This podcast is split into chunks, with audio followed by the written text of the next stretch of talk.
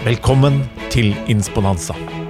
Hver uke vil vi få besøk av Norges beste foredragsholdere. Det alle gjestene våre har til felles, er at de er her for å inspirere deg, og at du kan booke de på athenas.no. Jeg er Sigurd Granmark, og jeg er programleder og konferansier for konferansen Insponanza. Mer informasjon og billetter finner du på athenas.no. Velkommen til Insponanza. Da dagens gjest kom inn i studio, så vet jeg ikke om han smilte, men jeg så i hvert fall at han hadde på seg to munnbind, og på det ytterste munnbindet så sto det VG.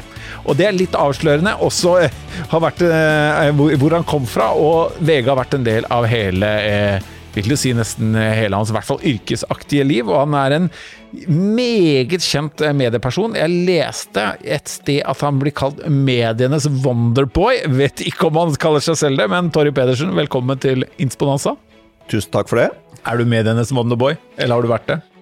Jeg er det i hvert fall ikke, eh, og har vel knapt nok vært det heller. Men jeg har jo levd et langt liv i tabloidpressen, så jeg bør vel eh, være forberedt på at det kan bli satt label på folk som i hvert fall har kanskje ikke den optimale presisjon bestandig.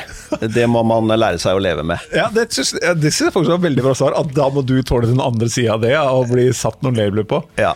Eh, var pressen bedre før? Eh, nei, den var ikke bedre før, men den var jo annerledes før. Eh, pressen blir jo, tror jeg, bedre og bedre. Eh, det blir liksom Det er ingen grunn til at ikke mediene skulle utvikle seg på samme måte som medisinen eller uh, sport eller uh, Alt går fremover. Men så er det jo sånn at uh, når vi vokste opp, så var det jo slik at det var mangel på informasjon på en måte. Det var ikke så mange medier. Den utfordringen vi står overfor i dag, er at det er overflod av informasjon. Altså det er helt uendelig. Så det å få det sortert for deg på en måte som gjør at du føler at kvaliteten er økende, det kan nok være en utfordring. Ja, og da igjen, eh, både det å skrive og få folk til å bli interessert da, i det budskapet man har, eller det man har informasjon om, er det Ville en journalist på Var det i 81 du kom inn i bransjen, var det det du sa? I 1981 begynte jeg å skrive min første artikkel, ja. En håndballkamp i annendivisjon utenfor Fredrikstad. Mellom, mellom Tindlund og Sturla. Resultat? Det husker jeg pinadø ikke, men det burde jeg ha gjort. Da. Har du den ennå, eller? Artikkelen? Jeg vil kanskje på loftet. Ja. ja. Og er det sånn at, la oss si en uh, Torry i 1985, da, når du har fått en fire Eller når var du på de beste? Når syns du at du, da, som journalist, da, nå tenker jeg ikke som leder eller støm, men sånn, som journalist, når var du på ditt beste? Jeg er ikke sikker på det. jeg har vært så skikkelig god som journalist, egentlig. Jeg var det Jeg begynte jo i 81, og så var jeg det fram til 86, og siden ja. har jeg vært leder. Men, jeg tror jeg er bedre som leder enn som journalist, da. Ja, og Jeg har lyst til å snakke om lederskapet ditt, da, for der har du vært igjennom noe, noen veldig spennende reiser. Men la oss si en god journalist i 86, med litt digitale ferdigheter, hadde det stått seg i 2021? Ja, altså Deler av det ville jo ha stått seg, fordi at evnen til å fortelle en god historie kommer aldri til å gå av moten. Det er jo det vi holder på med hver dag. Å konsumere gode historier, enten det er på strømmetjenester eller podkast eller eh, hva det måtte være. Men du vet at det som jeg tror kanskje er undervurdert, da, hvor mediene har et, et en, et godt stykke vei igjen fortsatt, er at formfaktoren har endra seg. Altså Hvis du tenker på at du fikk en avis, da, og på den tiden så var det jo stort sett i broadsheet som det heter, eller fullformat. Det var jo liksom du, Det var ikke plass til noen andre ved siden av deg på trikkesetet. Og nå er formfaktoren eh, en mobilskjerm. Det er der hoveddelen av mediekonsumet, eh, i hvert fall den skriftbaserte, nå finner sted. Og det å flytte fortellerteknikken og den formfaktoren fra papir via desktop og over dit, det er det jo ingen som behersker fullt ut ennå, mener jeg. To spørsmål på det. Du bruker jo fortsatt, jeg håper ikke jeg sier da, for Morten klippet ut eventuelt, rundt en tredjedel av tiden din for Skipstedt. Ja. Så du er jo oppdatert, du er jo en del av dette mediebildet ennå. Eh, vet du hvor mye du, andel av de nyhetene vi leser, som vi leser på en PC, og hvor mye som er mobil?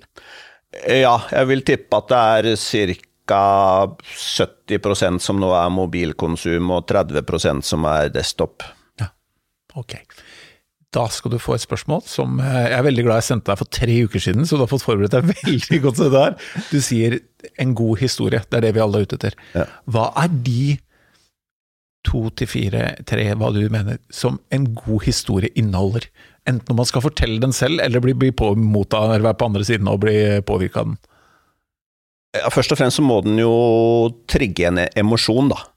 Um, fordi at uh, det verste du kan drive med når du holder på med historiefortelling, er likegyldighet. Den dagen folk forholder seg likegyldig til det du holder på med, da er det bare å Da, da kan du pakke sammen. Fordi at det handler jo om enten å bli irritert, uh, bli, føle empati, føle uh, hva skal vi si, bli sentimental. Altså du må, du må en historie må trigge en eller annen følelse. Og da er det jo sånn at du må på et eller annet vis klare å identifisere deg med den.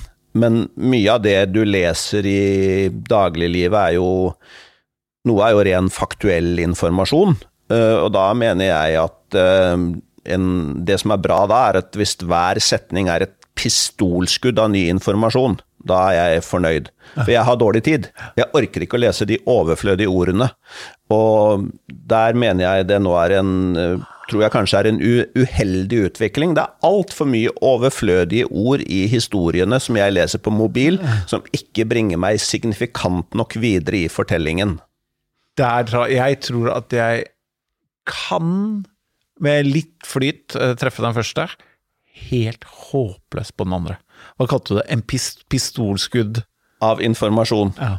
Det er Du skal liksom være midt i blinken, da, hvis du ser på liksom være skiskyting. Når de treffer, og så er det noen ganger øh, oppe til venstre, er han, sier han Ola Ja. Da er det litt utafor. Låg høyre og Ja, nettopp. Og poenget er at jeg øh, Det er for mange ord i fortellingene når det er rent faktuelt.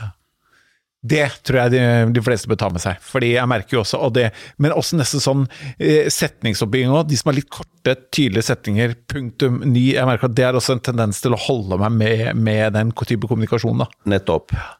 Hva er den beste, dårligste, sterkeste Hvis du sier at en historie må gjøre inntrykk på deg, da, eller skape noen emosjoner, hvilken i dine 40 eller 39 eller 40 år som det er nå, ikke bare VG, da, men i ditt liv i mediebildet, hvilken historie har gjort størst inntrykk på deg? På godt eller vondt? For meg eh, var det selvsagt 22. juli.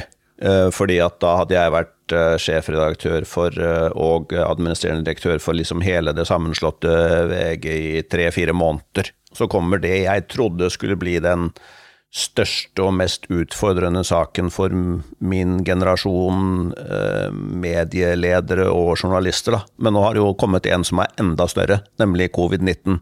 Som har pågått i et år, og som har implikasjoner på Det fins knapt nok et område hvor den saken ikke har en implikasjon. Så de som jobber i mediene daglig nå, står jo oppe i det som kommer til å være deres livs største sak, Ja. vil jeg formode. Dekker vi den bra? Ja, sett under ett så vil jeg si det er mye bra, ja. Ja. Den er så altomfattende at det er jo mange ting man eh, ikke dekker like bra. fordi at det, er, det handler jo om helse, selvfølgelig. Det handler om økonomi.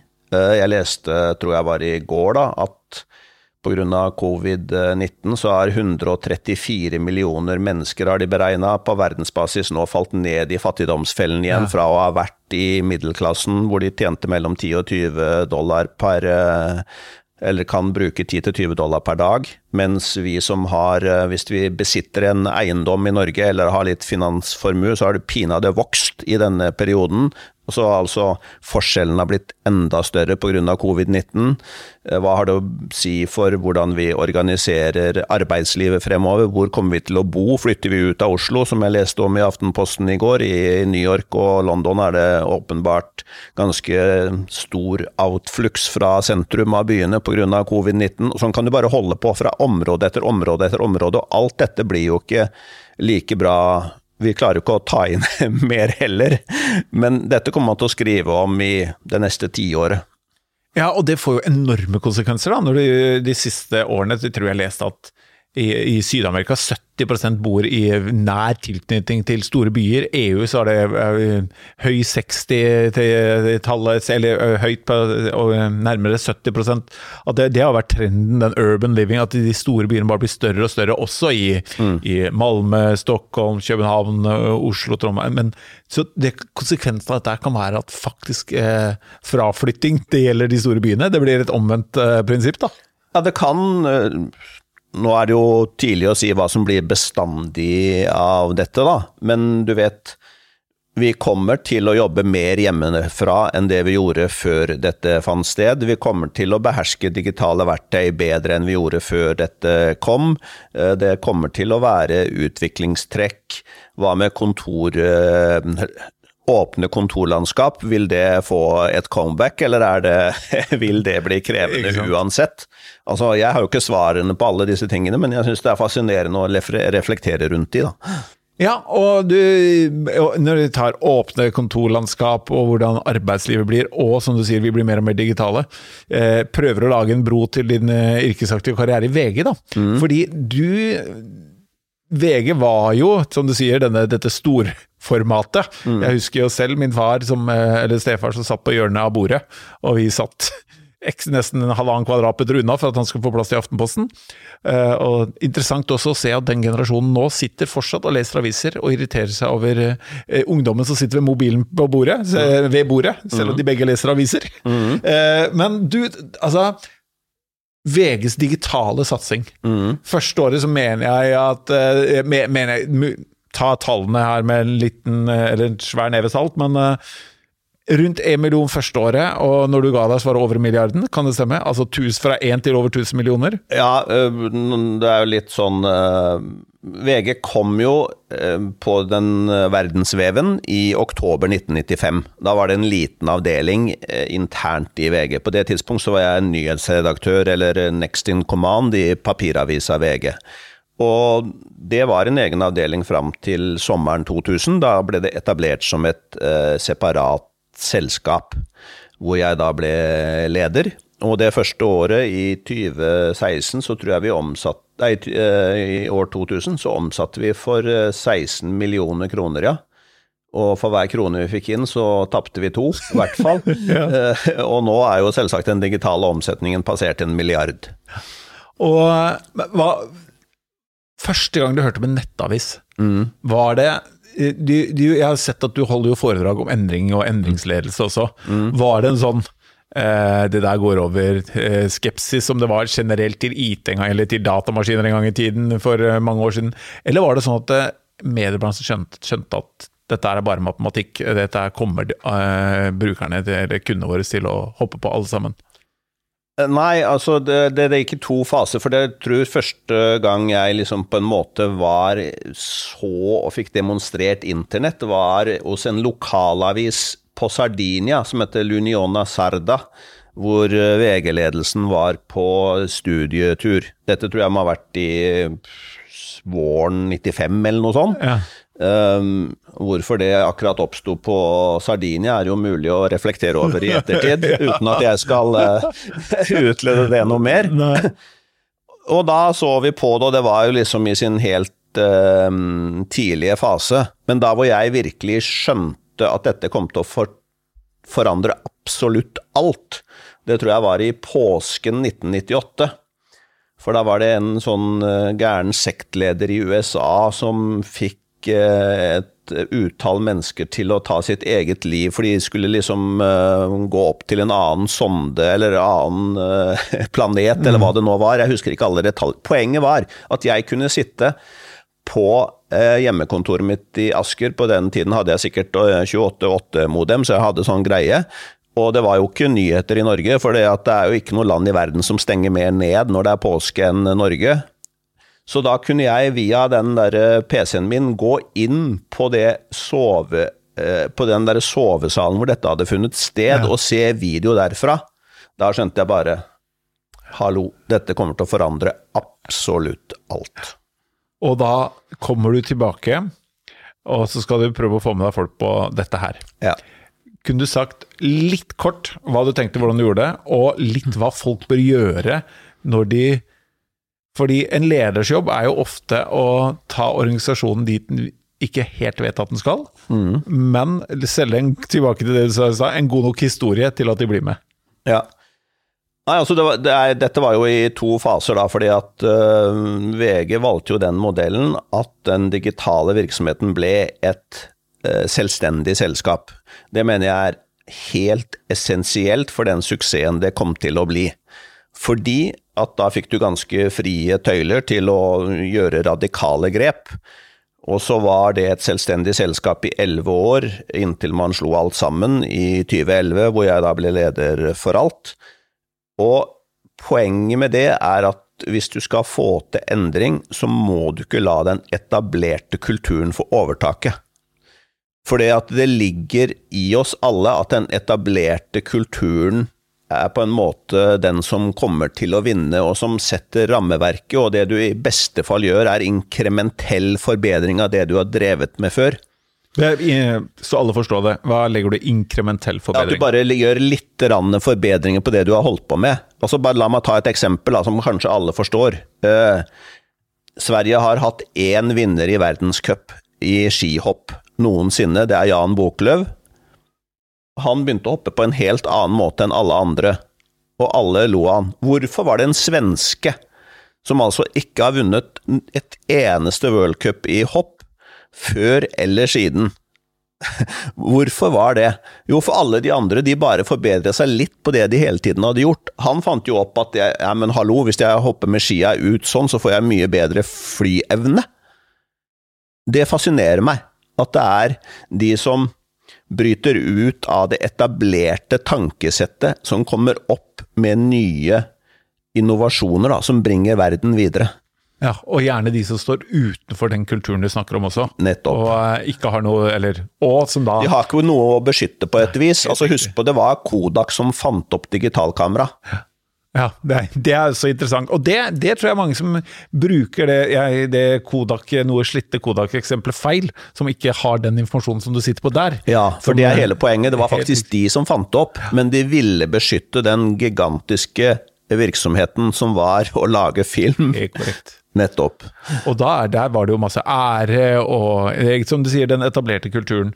Eh, hva gjorde du da for å få folk med seg, for å få garva journalister som kanskje til og med fortsatt røyka på kontorene og gikk på sine lokale puber og, de, de, og drakk øl? Det, det, er jo en myte også. De røyka ikke på kontorene. Eh, det kan jeg Jeg må spore litt med det, da. fordi at i, når jeg kom til Oslo eh, i for å begynne med å jobbe journalistikk, det var i 84. Da var jeg egentlig litt sjokkert over hvor mye alkoholkonsum det var blant okay. journalister. Ja. Eh, nå på slutten, før jeg slutta, så så jeg at de sommervikarene de sendte ut sånn fellesmail på aerobic-trening i morgen 06.30. Jeg tror kanskje at det er noe mellom der man bør tilstrebe for å kunne bli en virkelig god journalist. Men det jeg faktisk gjorde i 2011, da når vi slo sammen disse alle organisasjonene og vi skulle publisere på alle flater som VG måtte være på, det var jo på papir og på mobil og på desktop og på lyd og på levende bilder og whatever. Da innførte jeg et møte hver eneste dag for absolutt alle som jobba i VG, som eh, begynte hver dag 10.45 og som varte eh, kun i 15 minutter hvor jeg tok opp De fleste måtte stå, forresten, fordi vi hadde ikke plass til at alle skulle sitte. For I 15 minutter klarer du å holde oppmerksomheten til folk. Og så skal de i kantina og spise lunsj etterpå, så kan de utlede det vi har snakka om. og det Hele poenget med det møtet var jo å eksponere ting på en måte som gjør at folk forstår at den mentale posisjonen må flyttes. Ja. Hva kunne det være da? La meg ta et eksempel. Som er, eh, etter at vi slo sammen de to organisasjonene, så syns jeg det var noen utviklinger i trafikkbildet som jeg syns så litt underlig ut. Så da ba jeg, på nett? På nett, ja. ja. Så jeg ba statistikerne mine kan dere gå inn og undersøke det her. Og da fant de ut at uh, i den time syv, altså klokken mellom seks og syv om morgenen, så publiserte vi mindre enn når vi var i en egen digital uh, operasjon. Men i, time 17, mellom eh, fem og seks eller eh, fire og fem, jeg husker ikke helt det, uansett, da publiserte vi 52% flere artikler. Og når jeg finner ut det, så kan jeg bare ta det opp på en skjerm, og så spør jeg det, vet dere hvorfor dette skjer? Jo, selvfølgelig, for hvis du har jobba i papiravis, som kommer ut periodisk en gang i døgnet, så leverer du saken din når du går hjem. Ja, Men er det smart når du jobber i en kontinuerlig publiserende organisasjon? Nei, det er jo ikke smart. Og når folk ser det på veggen, så skjønner de det, og så kan vi begynne å endre arbeidsmetodikk. Det er et godt eksempel. Eh, er det Når man skal drive med endringsledelse, er både det der å skape godt bildet, selge den gode historien på hvorfor vi skal gjøre det, at de skal forstå det. Og det å hele tiden etterstrebe det å komme med konkrete bevis eller fakta, som du gjør der, eh, noe andre også bør etterstrebe? Ja, eh, du må klare å kombinere helikopterperspektiv, altså du liksom ser det strategiske bildet, med å gå, bruke mikroskop på de detaljene som flytter eh, deg i riktig retning for helikopterturen. Ja. For det er det mikroskopet som fungerer pedagogisk. For da ser du det helt, helt spesifikt. Det er vanskeligere å se det helikopterbildet for mange. Eh, så det å klare å kombinere de to tingene, mener jeg er helt vesentlig. Ja, og jeg har jo jobbet med en del organisasjoner, prøvd og forsøkt etter beste evne å hjelpe dem, og det, det, ofte så har lederne nesten sånn enten-eller-profil. Ja. Enten er de for mye nede i purra, delegerer ingenting, eh, er i selskapet sitt eller i businessen sin, eller så er det de som ser på businessen sin og nesten blir sånn for overordnet og ikke er i kontakt med nok til å komme med de konkrete eksemplene. Så et, jeg syns det er et veldig godt eksempel, tror det er helt avgjørende, men det er også derfor ofte jeg tror også endringsprosesser sliter litt, for det, det er vanskelig å ha ledere som gjør begge deler, da, og kanskje man enten bør trene på det eller det andre, eller bruke folk riktig, da, så man eh, kan sette dem på riktig plass. For det er jo hele poenget. Det er stor forskjell på å være detaljorientert og ikke delegere. Mm. Husk på, jeg var redaktør i VG. Eh, vi publiserer altså da 24 timer i døgnet, 365 dager i året, 120-125 artikler om dagen. Og i kommentarfeltet så ble det eh, produsert, eh, eller på sånn diskusjonsforum i en tid jeg var der, så var det produsert to ganger Bibelens tekstlengde daglig. Altså det er jo liksom, du, du klarer jo ikke å lese alt det. Altså, poenget er at da må du bygge delegerende systemer. Altså du må virkelig evne å delegere. Men samtidig så må du også klare å være detaljorientert for å illustrere gjennom detaljene hvor vi skal strategisk. Mm. Vil du si at når du ga deg i 2017, om det var operativt, strategisk eller hvor du skulle, hadde du kommet dit du skulle? Følte at du hang hatten på hylla og sa at ja, dette, dette er levert sånn som eh, det til laug, som man sa en gang? Ja, altså La oss ta det eksempelet da, hvor du er eh, sånn som jeg var. Jeg var da administrerende direktør og ansvarlig redaktør i en publikasjon. Da mener jeg det er fire ting du skal klare å levere på. Det er selvsagt å levere god journalistikk. Så hvis du jobber i en bank, skal du levere gode finansielle tjenester. Jobber du i et strømselskap, så skal strømmen virke. Altså, det går der. Så, bare, mens du står der, da, bare ja. for å kort avbryte deg. Er VG, når man sier tabloidaviser, er det en, en, noen motsetning mellom å være en tabloidavis og levere god journalistikk? Leverer VG god journalistikk? Jeg syns VG leverer helt fremragende journalistikk, og de har blitt enda bedre etter at jeg slutta. Eh, nettopp fordi at det er akkurat sånn at eh, man går raskere på 5000 meter i dag enn man gjorde for fem år sia. Ja. Sånn er det, liksom. Så det ene er å levere god journalistikk, det andre er å levere gode økonomiske resultater. Vi leverte 300 millioner på bunnlinja i årlig, og year out and year in. Mm. Så er det å ta de riktige strategiske valgene. Vi klarte å transformere det til å være den største papiravisen til å ta en helt unik posisjon digitalt. Og det siste er eh, det fjerde. Du må sørge for å bygge etterkommere på absolutt alle sentrale posisjoner. Det er som et fotballag. Hvorfor vant eh, de der Manchester United når han Ferguson var eh, manager? Jo, han bytta ut to-tre som alle syntes var supergode hvert eneste år, på en måte. Og hele tiden hadde dobbelt sett på alle posisjoner. Det mener jeg også en god leder skal evne å utvikle, da. Bra. Det er fire gode ting. Eh, og jeg, jeg tror sånn, Hvis man klarer å i, i sitt lederskap, da, eller medarbeiderskap også, klarer å finne liksom, hva er de to til fire viktigste tingene jeg må levere på, så er det lettere å få en oversikt. Eh, hva eh, er den frem, et litt sånt det som står foran oss nå, vi ser at uh, fri, Friminutt med Herman og Mikkel blir i, bakbetalingsmur. Radioresepsjonen, våre kjære venner i Radioresepsjonen har solgt sjela si og gått uh, den veien, og Bjarte Tjøstad har blitt opptatt av penger. Og, hva er den største endringen, tror du, som vi kall det uh, nyhetskonsumerere, ikke forstår at vi møter i, i de neste fem til ti årene, tror du?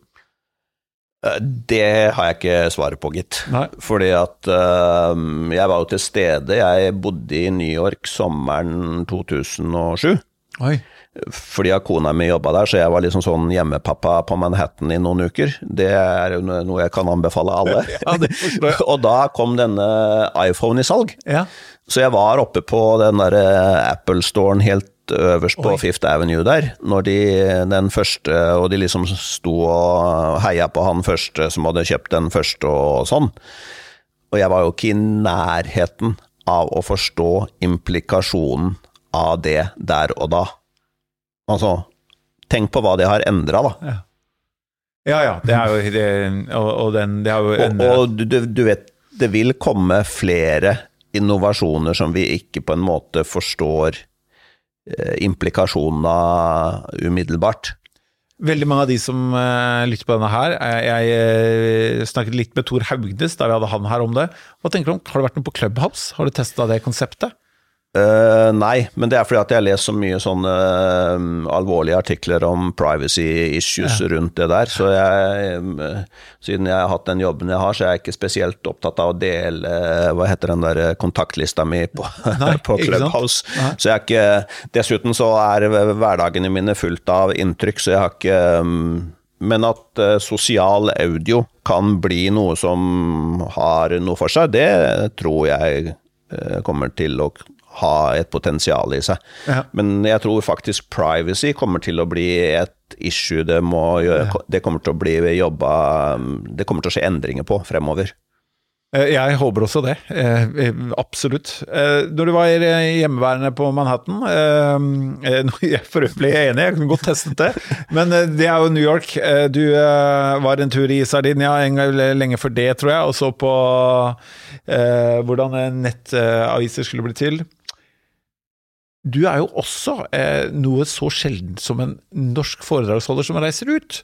Vi nordmenn har jo en enorm selvtillit fram til det kommer å snakke for folk. Da henter vi stort sett alltid Når det er ordentlig viktig, da må vi hente noen fra utlandet og inn. Eh, jeg syns det er veldig, veldig underlig hvor eh, nisseluemental Eller hvor rare vi er der. Når du er ute og i andre land og snakker medier og med tidligere bransjekollegaer, hvordan skiller Norge seg ut? Og er det noe sånn Eh, de er sånn Eller er vi moderne, er vi gammeldagse? Og hvem er liksom vil du si ligger lengst fremme, i, om det er teknologisk eller hvordan man jobber med, med kommunikasjon og medier?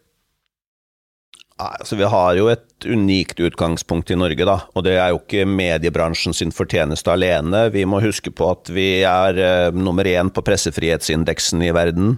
Vi, har, vi, er nummer én på Human Development Index. Vi er nummer én på Freedom Index eller whatever. Så det må vi jo bare gi honnør til politikerne, sivilsamfunnet og alle vi som bor her i landet. Det, det legger jo noen forutsetninger som andre ikke har så har vi jo en høy levestandard her i dette landet, så vi kjøper jo duppeditter eh, i første fase, mer enn mange andre. Ja.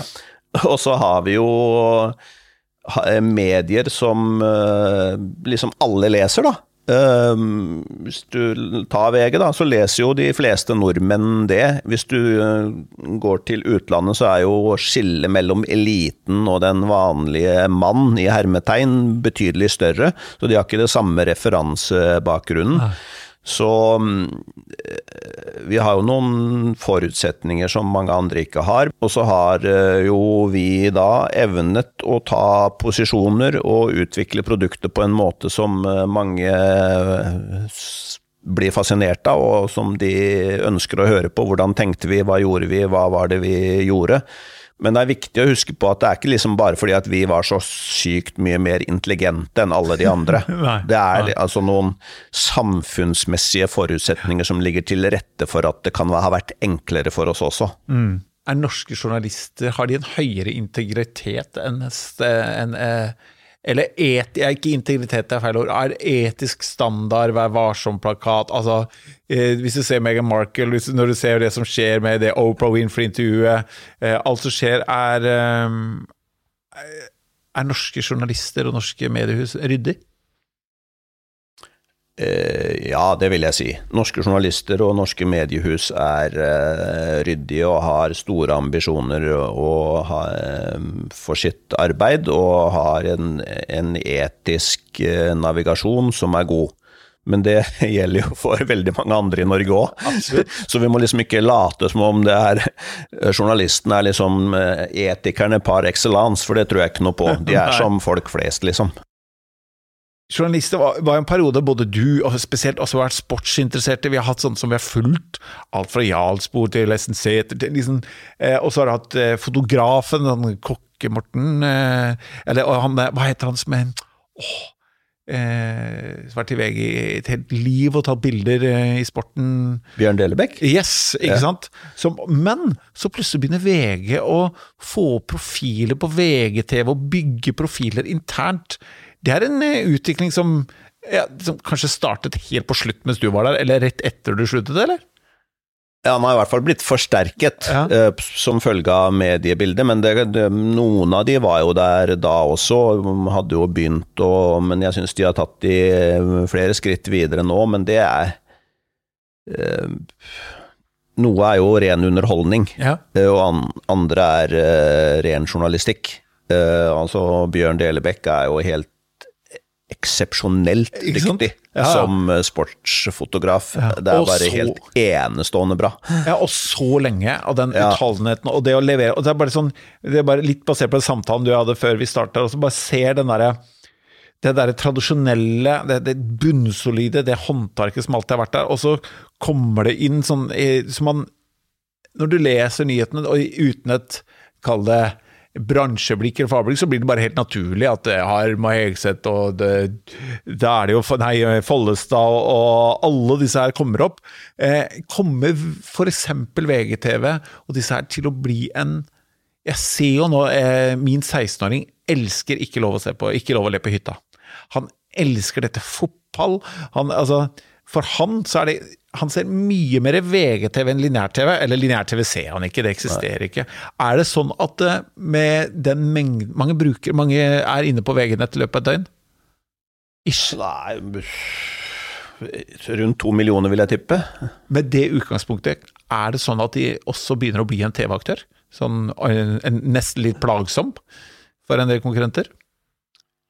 De har jo i hvert fall, du nevner jo noen eksempler, de har jo evnet å bygge disse profilene. da, Harm og Hegseth og Hulsker og Follestad og Mats Hansen og hva de heter. altså Det, er jo selvsagt de folkene i seg selv som er dyktige, og den plattformen i kombinasjon. Det er jo også et sånn viktig lederskap. Det er ingen som lykkes med noen verdens ting aleine.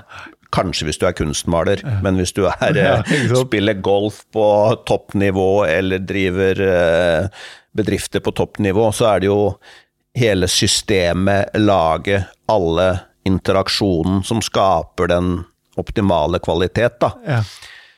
Og så er et mm, Lineær-TV kommer jo til å være med der en stund ennå, men eh,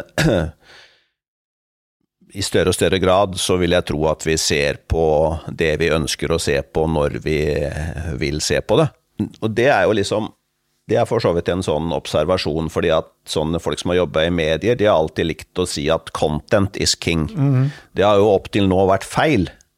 Fordi at eh, det som har bestemt hva vi har sett på, eller hørt på, er, er hvilken situasjon vi har vært i. Uh, hvis du kjører bil, så har du hørt på radio. Nå Ja. kan du høre på podkaster i tillegg i den bilen.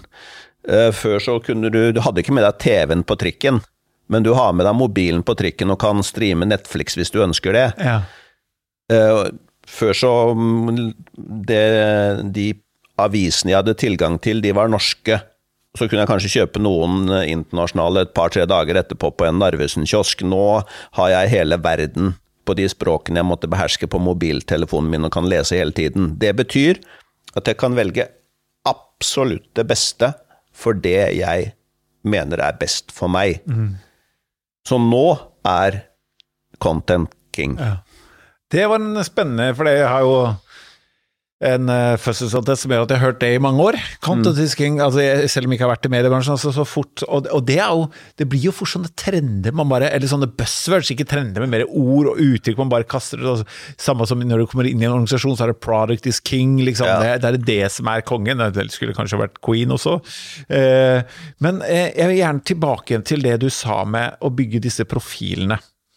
I lederskap generelt, har du mm. vært opptatt av å Eh, bygge folk altså sånn helt bevisst Du sa at du skulle ha etterfølgere, sånn successor mm. planning. Mm. Men også det å, å, utvikle folk på nesten sånn individnivå. Og nå tenker jeg ikke kjente personer, men rent administrative ledelsesfunksjoner eller medarbeidere.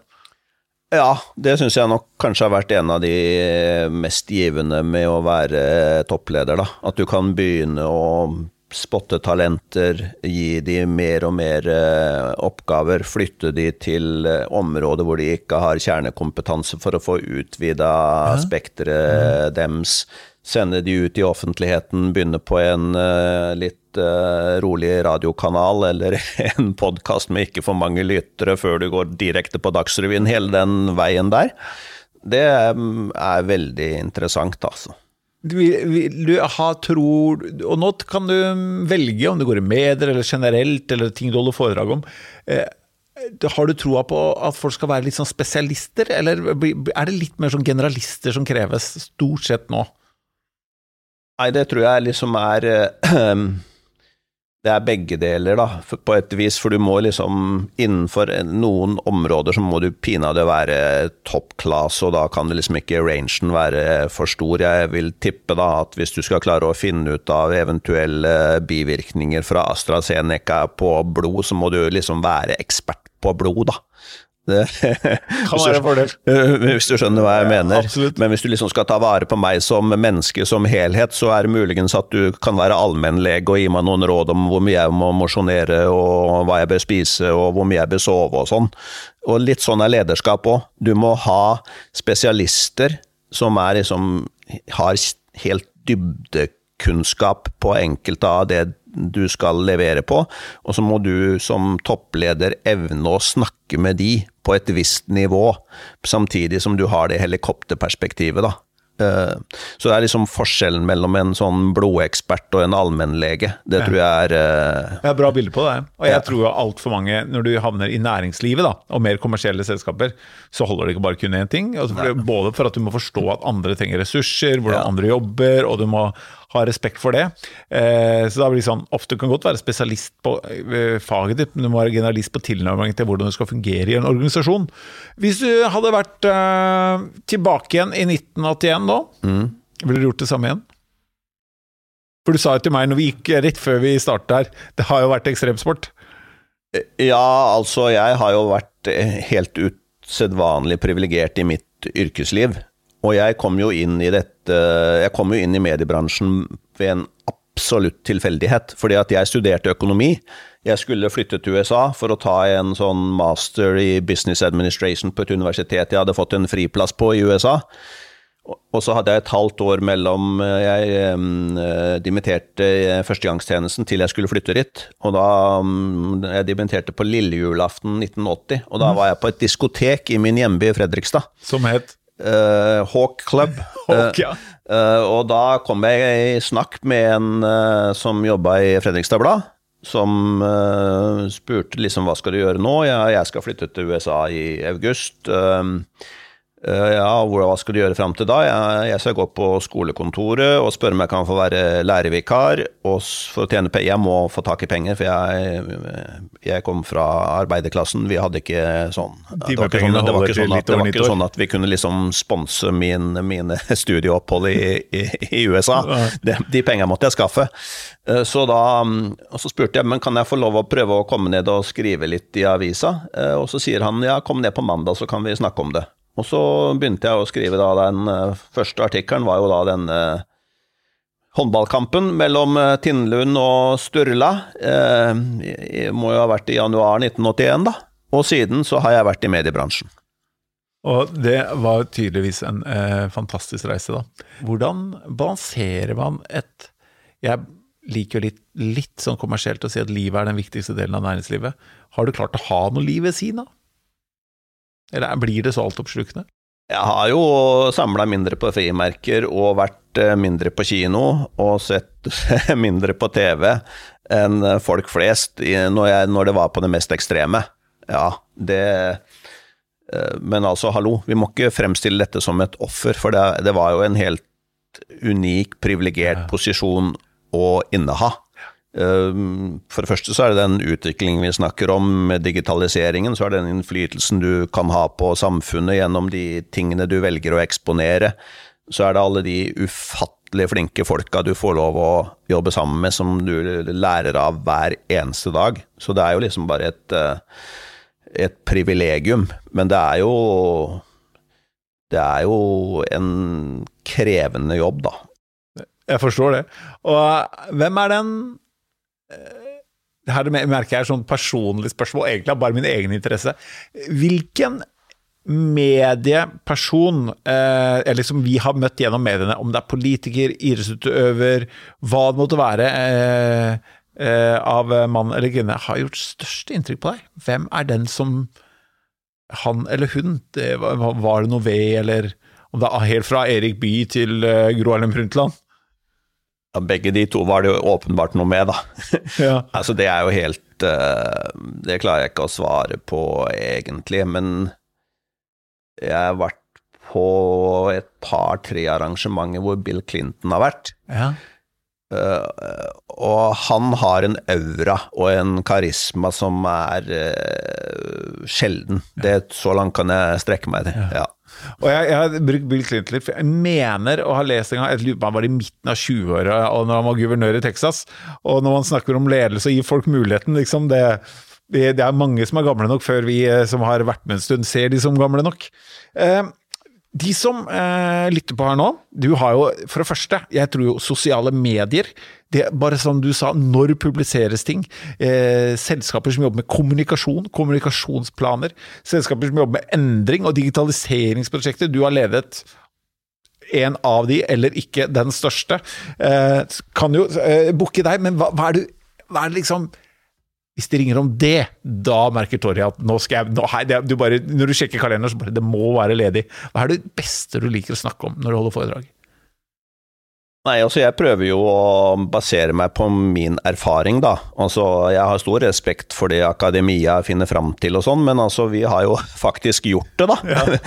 og mm, covid-19 har jo på en måte akselerert eh, digitaliseringsprosessene, men mediebransjen var vel blant de eh, bransjene som var aller først ute.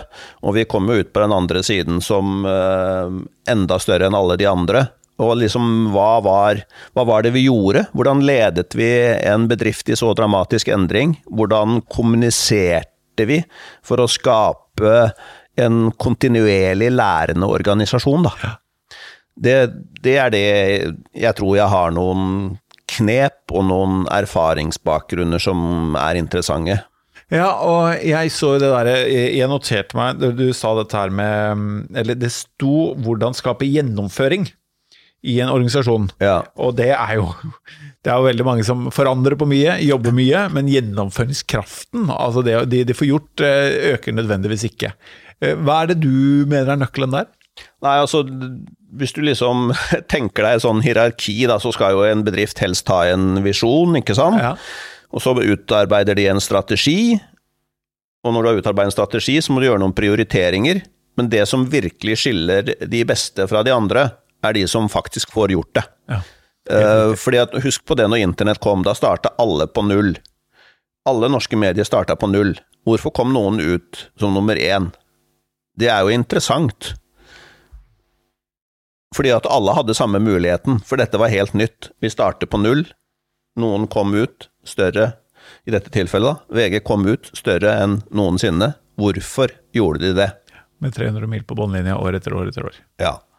Uh, Så, så du bør vel også ha en del kunnskap om dette med å kommunisere til organisasjoner? Sånn organisasjonskommunikasjon, eller? Ja, ja, ja altså alle som er litt størrelse på sliter med. Ja, jeg, jeg, der gikk jo jeg til radikale skritt, da, ved å snakke til eh, alle ansatte som hadde anledning til å være der hver eneste dag. Det skjønner jeg jo at ikke alle kan finne tid til eller kan gjøre, men det å kontinuerlig formidle hvor er det vi ønsker å gå, og uh, hvilken vei skal vi gå ned for å komme dit, det tror jeg bare er helt nødvendig moderne lederskap. Ja, og jeg håper at folk tar eh, litt større organisasjoner, ikke bare kommunikasjonsavdeling, men lærer lærerne å booke deg på det. Det tror jeg er eller det er overbevist om er klokt. Er det noe jeg burde ha spurt om, eller? Som vi ikke har vært innom? Ja, nå husker jo ikke jeg hva vi har snakka om, vi har snakka lenge nå, har vi ikke det? Jo, så, vi som er, vanlig, så jeg har jo glemt både tid og sted. Jeg skjønner at jeg er foran mikrofonen, men bortsett fra det, nei da. Det, jeg syns du har stilt uh, gode og presise spørsmål. Det eneste jeg la merke til, og det hadde ikke sluppet gjennom redaktørfilteret mitt, det var at du sa at eh, Clinton var guvernør i Texas, han var i Arkansas. Arkansas var det! Ah, bra. bra. Der ser du, da ble vi passet litt på her. Eh, vi har pratet i 50 minutter, så vi må nesten avslutte. Men for meg, der er det jo Altså, Du er jo nesten sånn 40 år med historier fra, fra, fra Norge, så vi, vi, kunne bare fortsatt. Men vil du ha eh, Torry Pedersen på besøk i din organisasjon, så du kan høre på ytterligere historier, og ikke minst hvordan du skal kommunisere med din organisasjon, og som eh, et lite tips var der også når og hvordan, så tar du og går inn på atenas.no, skriver Torry Pedersen i søkefeltet. Eh, de jentene, eh, Det er mange jenter som jobber der, også er det en som heter Stefan. Han jobber ikke så mye, men han er der. Og så tar de og kommer til å ringe deg og sørge for at du får den hjelpen du trenger. Og hvis du rasker med deg et par billetter til Insponanza samtidig, så blir dette meget bra. Torry Pedersen, tusen takk for at du kom i Insponanza. Takk for at jeg fikk komme. Hver uke vil vi få besøk av Norges beste foredragsholdere. Det alle gjestene våre har til felles, er at de er her for å inspirere deg, og at du kan booke de på Athenas NO.